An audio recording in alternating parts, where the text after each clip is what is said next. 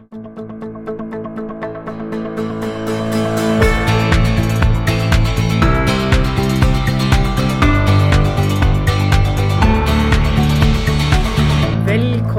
til AFA Norges podkast Sirkuler. Mitt navn er Nancy Strand. Temaet i dag er farlig avfall, og gjesten vår heter Bjørn Berg. God dag. God dag, Bjørn.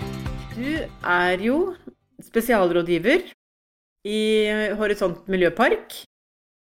Jeg vil vel karakterisere deg som eh, en med lang fartstid. Er du enig i det? Jeg må nok innrømme at jeg er enig i det, ja. Jeg har vært med lenge. det er helt riktig. Og um, ja, jeg jobber jo som sagt i Horisont miljøpark. Og um, det er jo et selskap som tidligere heter GLT Avfall. Og, Ja. det, og, og det var jo lillebroren til Avfall Norge, ikke sant. Ja. Eh, Men eh, nå har vi jo skifta navn, da, som du skjønner. Og, em, og er nå Horisont. Og nå har jeg forstått også at Avfall Norge er i ferd med å skifte navn. Ja, det, hvis medlemmene så vil, så er det en mulighet.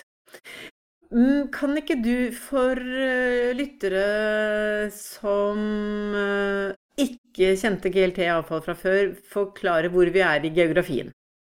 Geografien, ja. Det er altså Vi drar da nordover fra Oslo. Og så er vi, ser vi, hvis jeg strekker meg litt, så ser jeg Mjøsa. Og eh, den er, har iallfall en eh, litt sånn viktig historie for min del. Eh, Men altså, selskapet er eid av fem kommuner. Og vi holder til i eh, Hunndalen, som det heter her. da. Hvis vi skal være litt fin på det, så heter det Skvå Valley. Så, men eh, det er altså eh, Toten-kommunene, og så er det Nordre og Søndre Land og Gjøvik som eier. Du nevnte nærheten til Mjøsa. For det er en Der, er det en historie som kanskje ikke mm, alle er kjent med i dag, da. Den er, eh, den er altså den, Det er på en måte Det er den som dro meg inn i det som da vi skal kalle, kunne kalle et uh, miljøengasjement og et miljøarbeid. Da. Fordi at uh, eller Hvis vi går enda lenger tilbake, så leste jeg to bøker som, som Knut Fallbakken skrev, som heter 'Uår'. Og eh, de to bøkene de handler da om en familie som bor på ei, ja, vi må rett og slett si ei dynge. Og etter at jeg har lest de to bøkene, så ble dette temaet veldig interessant. Og så øh, fikk man da en eh, utfordring med Mjøsa. Og den utfordringen den var rett og slett at Mjøsa var i ferd med å gro igjen. Eh, og eh, nå er det vel eh, Altså, hvor tett på skal du få en utfordring før du liksom reagerer? Det er et interessant spørsmål. Og Hessen har jo, tror jeg, tatt opp det i sin bok 'Verden på vippepunktet'. Jeg tror det er han som har skrevet noe om det. Altså, Hvor tett på skal du kjenne utfordringene før du aksjonerer? Og da er vi jo inne i klimaproblematikken. Men hvis vi går tilbake til Mjøsa, så var det slik at Mjøsa er jo, og var jo, en drikkevannskilde. Og eh, da begynte altså husholdningene å kjenne en usmak på vannet sitt. Samtidig så så man jo at eh, det var mye grønt og mye alger i Mjøsa. Men da starta det faktisk en aksjon som heter Mjøsaksjonen. Og den kom altså rett og slett Altså det er rett og slett en grasrotaksjon. Den kom nedenifra. Ja. Og eh, det er eh, spesielt og interessant. Det betyr flere ting. Det betyr iallfall at eh, enkeltindividet kan faktisk gjøre en forskjell. Det dro altså i gang en, stor, et stort prosjekt med da rett og slett å redde Mjøsa fra, fra undergangen. Og, og eh, det var altså spesielt husmødrene i området her var veldig aktive der. Og prosjektet gikk fra ja, tidlig 70-tall, og eh, vi bikker vel 80. Ja. Altså Mm. 1979-80. Og uh, før man på en måte først Ja, altså, det, vi snakker 70-tallet her, fordi det, det var jo i en tid hvor vi Hvor dette med å være husmor, og som du sier, husmødrene Altså, det, det var Det er liksom et eh, Kanskje et, nesten noe vi ikke tenker på i dag, men, men den gangen så var det et eh, Det var rett og slett eh, kvinner som så dette i praksis, og som kanskje kjente et eierskap til problemstillingen. Ja. Og, eh, og det er jo riktig som du sier, det er klart en husmor i dag er jo noe helt annet. Altså, det, dette var jo en yrkestittel. Og, eh, og, det, og, det, og det ble jo brukt, det begrepet, altså at det var en husmoraksjon. altså. Men det Ja. dro i gang et kjempeprosjekt. Og man klarte altså å snu den negative utviklingen. Og um, her ble jo etter hvert Gro Harlem Brundtland ble jo veldig sentral i dette prosjektet. Ja. Mm. Og eh, etter hva jeg har hørt, så ble det altså svidd av bortimot 1,5 milliarder kroner i dette prosjektet. Vel, veldig sentralt her var jo altså Dette var jo snakk om eutrofiering. Kan ikke du forklare det begrepet for, for eh, Ja, eutrofiering er jo rett og slett altså du tilfører næringsstoffer, og sentralt her var jo fosfor. mm, som er en minimumsfaktor i en uh, ferskvannsresipient. Og du fikk da, altså dette var jo da rett og slett et næringsmiddel til da først og fremst algene. da. mm, Og det var jo algeomblomstringen som da eh, du fikk pga. Den, på grunn av denne tilførselen av fosfor, fordi at man da brukte fosforholdige vaskemidler. Man hadde direkte utslipp av eh, avløp i, i Mjøsa. Og alt dette her var jo da grunnen til at denne prosessen starta, og at man fikk den negative utviklingen. mm. Men som jeg sa i starten, altså man, merk, altså man så det. Eh, så det var jo visuelt synlig, men det var virkelig når man først kjente smaken på vannet, at eh, det virkelig dro i gang.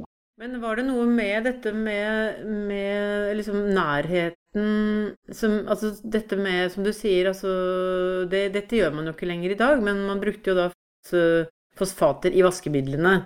Um, så, så her var jo på en måte den enkelte husholdning eh, brukte jo produkter og var jo avhengig av produktet. Alle produktene inneholdt det jo. Så det ble jo også et stort trykk på, på produsentene da, for å, for å fjerne disse stoffene. Ja, altså substitusjonsprinsippet. Det er jo egentlig det vi Dette var jo en sånn tidlig eh, si, introduksjon av substitusjonsprinsippet, som på en Ja. måte alle virksomheter i dag er, er eh, skal vi si, eh, har et krav om å forholde seg til. Altså Du skal på en måte Du skal alltid prøve å finne produkter eller stoffer som på en måte er da eh, på et eller annet tidspunkt definert som mer miljøvennlig enn noe annet. Mm. Og, og, og denne fosforproblematikken som man hadde i vaskemidlene, var jo et, eh, typisk eksempel på det der. Men det er klart at produsentene da, de gikk jo høyt opp på banen og sa at dette får vi jo ikke til. Men de fikk det til. Ja. Men var, var liksom dette med substitusjonsplikten Hadde ikke blitt etablert som begrep ennå øh, på det tidspunktet her? Nei, det kom vel egentlig, tror jeg, i 99, 98-99. Jeg tror det var faktisk en såkalt odelstingsproposisjon, ja, faktisk. Der ble begrepet introdusert, og jeg tror vi er da i 98-99. Dette her, eh, Jeg vil ikke bli tatt for det, men jeg tror det er eh, i det området der. Og, og, og som gjelder eh, Selvfølgelig er jo tungt inne i dag. Mm. Ja. Mm. Men den andre viktige aktøren her, da, fordi det, jeg tenker jo at det er en likhetstrekk her, da. Det er jo på en måte forbrukerne, og så er det produsentene, og så er det kommunene. Eh, For som du sier, dette var jo også et spørsmål om kommunalt avløp som gikk eh, til dels direkte ut i Mjøsa, eller? Ja, og det er klart det at eh, eh, dette, dette, det, det, dette var jo veldig tunge investeringer, og dette ble jo investeringer som også gikk på den enkelte. Altså Du måtte jo bygge, du måtte koble deg til et kommunalt avløp. Så det kosta jo, altså jo, enkeltpersoner dyrt å, å, å, å, følge opp og være med på dette her. Men her stilte altså veldig mange opp, altså. Og den, den, det, måte, det, kan være et veldig godt eksempel på at det er faktisk mulig å gjøre en forskjell. Altså Du kan gjøre en innsats hvis du uh, altså Når du engasjerer deg og er villig til å være med, så er det faktisk mulig å gjøre et skikkelig løft. Altså.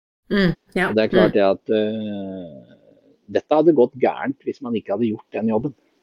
Ja, så kombinasjonen av mange, mange, gode krefter for å endre både produkter, eh, si, in, kommunal infrastruktur, eh, forbrukernes vaner.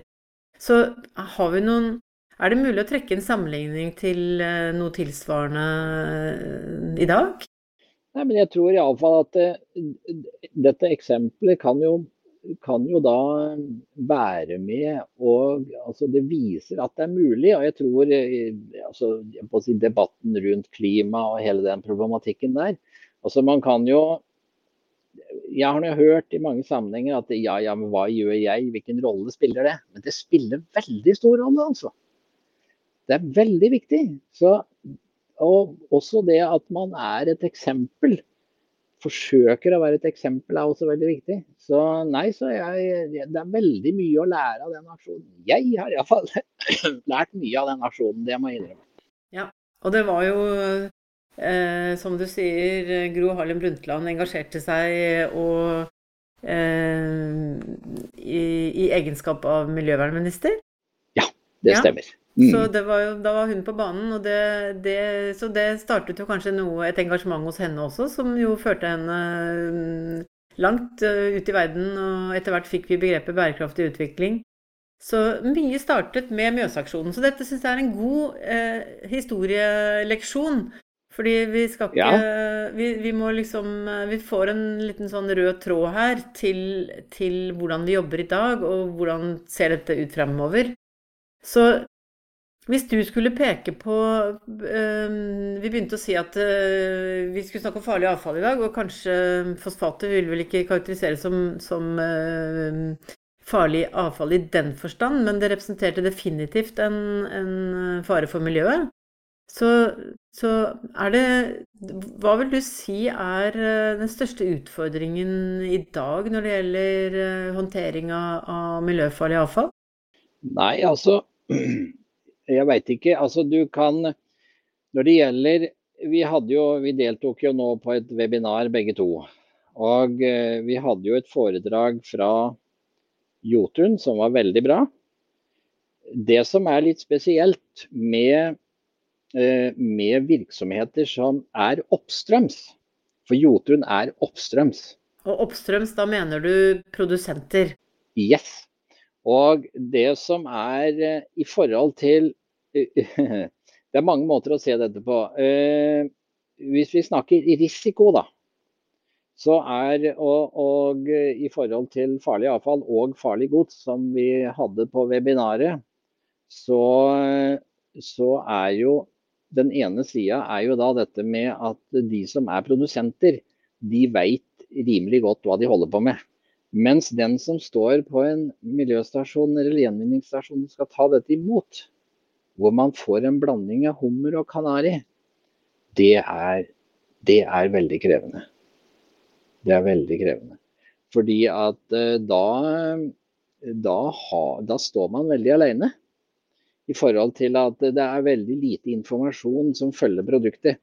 Altså I de tilfellene ting kommer i originalemballasje, og du kan stole på at det som er i den emballasjen faktisk er tilsvarer det piktogrammet som da står på emballasjen, så er det jo for så vidt rimelig safe. Men det er ikke så ja, altså ofte. Det er, det er en, veldig mange unntak der som gjør at det der er veldig krevende. Det er veldig krevende.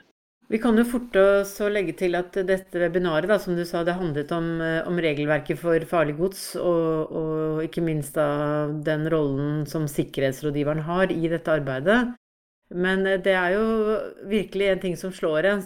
Det er den store forskjellen. Dette er jo generelt, tenker jeg, når det gjelder avfall, at uh, det kommer inn fra en, veldig mange kilder, og, og, veldig ofte så vet du ikke egentlig hva det er.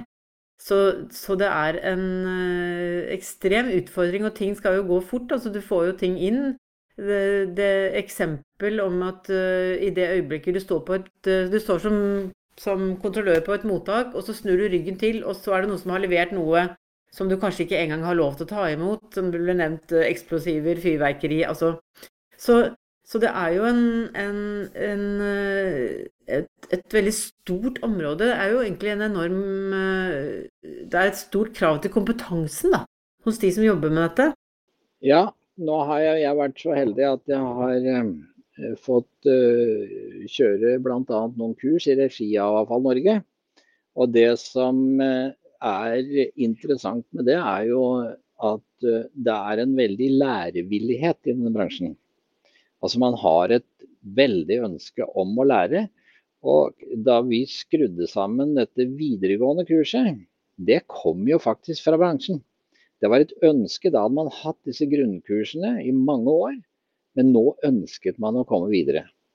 Og det var jo en utfordring som eh, jeg da tok. Eh, og, og eh, det viser altså at denne bransjen her er lærevillig. Og, og det er veldig bra. Det, det, det, man ser jo også litt i forhold til dette med kompetanse at heldigvis så er det ikke veldig mye ulykker. Nei. Det er mm. ikke veldig mye ulykker. Det var en uh, lei affære i 2019. På høsten da så gikk det en container i lufta. Men, men det skjer ikke veldig ofte. Og det tror jeg er fordi at de som de som eh, står ved disken og tar imot, de er eh, De har eh, risiko. Altså de tenker risiko. Og jeg får rimelig mange telefoner om spørsmål om produkter og klassifisering. Ja. Og, så det er helt tydelig at man er oppmerksom, altså. Ja. Mm, mm. Man har dette føre var-prinsippet. Det, det har veldig mange fått inn og skjønt. Ja. Mm. Altså, det, det, har jo også vært mye oppmerksomhet rundt dette. uh, og, og, nettopp dette med å, å Altså at vi, vi, ikke bare ønsker vi selvfølgelig at det ikke skal være farlig avfall på avveie, men vi ønsker jo også å være sikre på at vi vet at vi kan spore øh, hvor, det, hvor det som er tatt imot, hvor det går hen. Mitt inntrykk er jo også at uh, i tillegg, som du sier, lærevillighet, altså at den, den uh, viljen til å sikre at vi kan spore hvor avfallet tar veien, den har også vært veldig stor de siste årene. Som har betydd mye for måte, hevingen av, av, bransjens standarder da, og måter å, å, jobbe på. Er det mm, Stemmer det med din, inntrykk, ditt inntrykk? Ja, når det gjelder når det gjelder eh, farlig avfall, så har jeg, eh, har jeg vært med på en revisjon. Altså, vi gjorde en revisjon uh, nedstrøms. Så det har jeg vært med på én gang, og det var veldig interessant. Og det tror jeg nok at sjøl om, selv om veldig mange av de selskapene, både de interkommunale selskapene og nedstrøms, altså behandlerne, de er jo sertifisert veldig ofte i henhold til 14001 så er nok det å gjøre en tredjepartsvurdering, det er nok ikke så dumt, altså.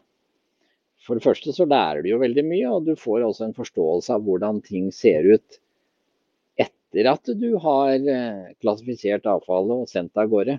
Altså du følger avfallet.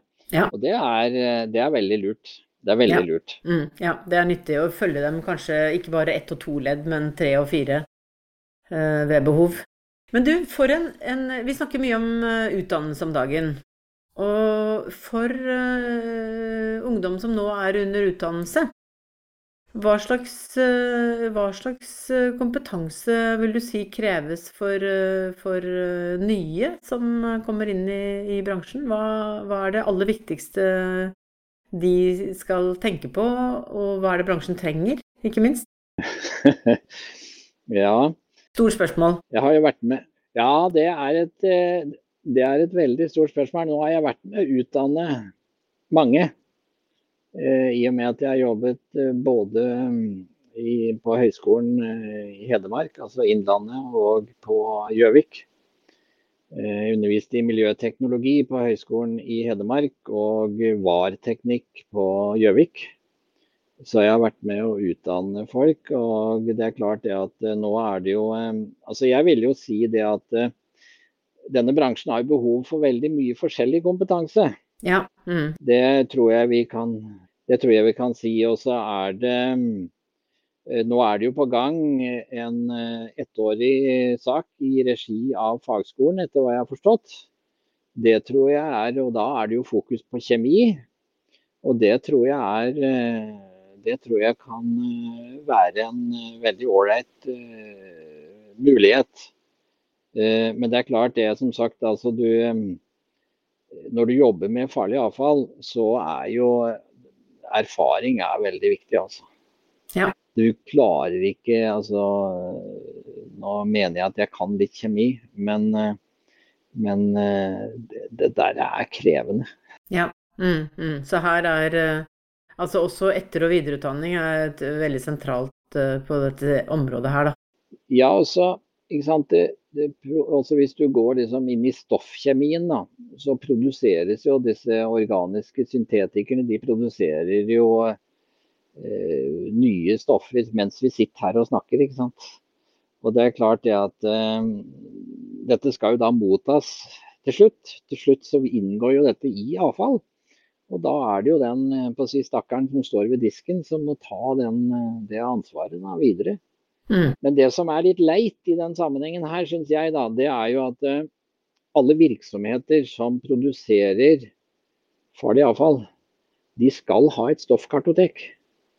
Og hvis de bruker det stoffkartoteket aktivt, så har de jo de fleste opplysningene der. Og det er litt stusslig når du da mottar uh, et farlig avfall fra en virksomhet, og så har de på en måte ikke gjort den jobben skikkelig. Selv om de da er pålagt å ha alle opplysningene om de stoffene de håndterer. Ja. Der er det en jobb å gjøre. er, Der må myndighetene på banen faktisk følge opp at de har stoffkartotek, og at de bruker det. det for, for, det er jo det vi har å hjelpe oss med. da. Når, vi, når det kommer et kjemikalium med et eller annet stoff eller en eller annen blanding, så er det jo stoffkartoteket vi må inn i for å få opplysninger. Mm. Ja, ikke sant. Mm, mm. Men vi, er det tilstrekkelig samarbeid i verdikjeden eh, på dette området her? Vi snakker mye om samarbeid i verdikjeden når det gjelder sirkulær økonomi, og hvordan uh, klare å materialgjenvinne mer, og ombruke ressursene osv. Men når det gjelder farlig avfall og miljøgifter, er det, er det godt nok samarbeid, syns du? Nei, det tror jeg ikke. Eh, vi, hvis vi går tilbake til 2006-2007, så prøvde vi å lage et, et eh, prosjekt i regi av, eh, av Avfall Norge og Norsk Vann var med der. Det var et samarbeidsprosjekt. Og eh, en sentral person som jobber i dag er det vel Nibio, en dame som heter Trine Eggen, var også med i det prosjektet. Da, var, da forsøkte man å se på hele verdikjeden, og spesielt med fokus oppstrøms. Og eh, det fikk man egentlig ikke helt til, altså. Eh, det prosjektet endte egentlig opp med den delen som jeg gjorde, for var, eh, der var det Norsk Vann som var på banen. Og vi snakket jo om Vi var vel så vidt innom renseanlegg her tidligere i denne podkasten. Og, og disse renseanleggene som er bygd for å håndtere fosfor, egentlig. Det er jo det de er bygd for. Eh, så får jo Altså, de mottar jo da mye annen gøy, om vi skal bruke det uttrykket. Og, eh, og, det var på en måte den delen av det prosjektet som vi klarte å få til. Altså å, å diskutere på en måte hva er det som eh, disse renseanleggene møter ja. av utfordringer. Ja. Mm. Det fikk vi til. Men det som var oppstrøms, det, det klarte vi egentlig ikke å, å, få ordentlig på plass. Altså. Ja. Nei, en, eh, det er en utfordring som vi kan eh, ta med oss, eh, ta med oss videre her, altså. For jeg tenker jo også at Du nevnte VAR-teknikk, altså vann- og avløp-renovasjon. Ehm, for dette er jo kanskje veldig mye mer spennende enn Unnskyld at jeg sier det, mm, enn det høres ut.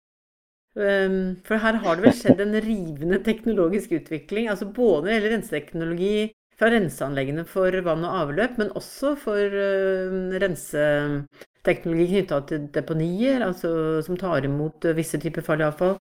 Så så den teknologiske utviklingen her har vel også vært enorm fra de årene vi snakker om her?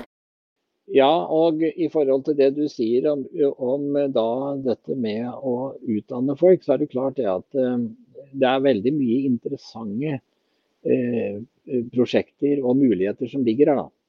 Fordi at I og med at det spenner over så mange forskjellige hva skal vi si, varer, så er det veldig mange muligheter. Det er det. Mm. Ja. Så jeg tror nesten, en, nesten, uansett hva du starter med her, så tror jeg egentlig at du kan finne en eller annen, et eller annet anker innenfor denne bransjen. Ja, uansett hvilken interesse du har. Men det er klart at er du interessert i ingeniørfag, eh, men det er bare så mange ulike retninger innenfor dette, som, så det er jo derfor vi, vi også jobber intenst med dette for å få flere til å se hvor, hvor, mye spennende og interessante utfordringer vi har, da, som man kan være med på å løse. Ja, du nevnte jo sjøl eh, trebokstavforkortelsen HMS. Ja. Det er jo helt sentralt innenfor ja. dette feltet her. Veldig. kom jo inn alle, alle plasser.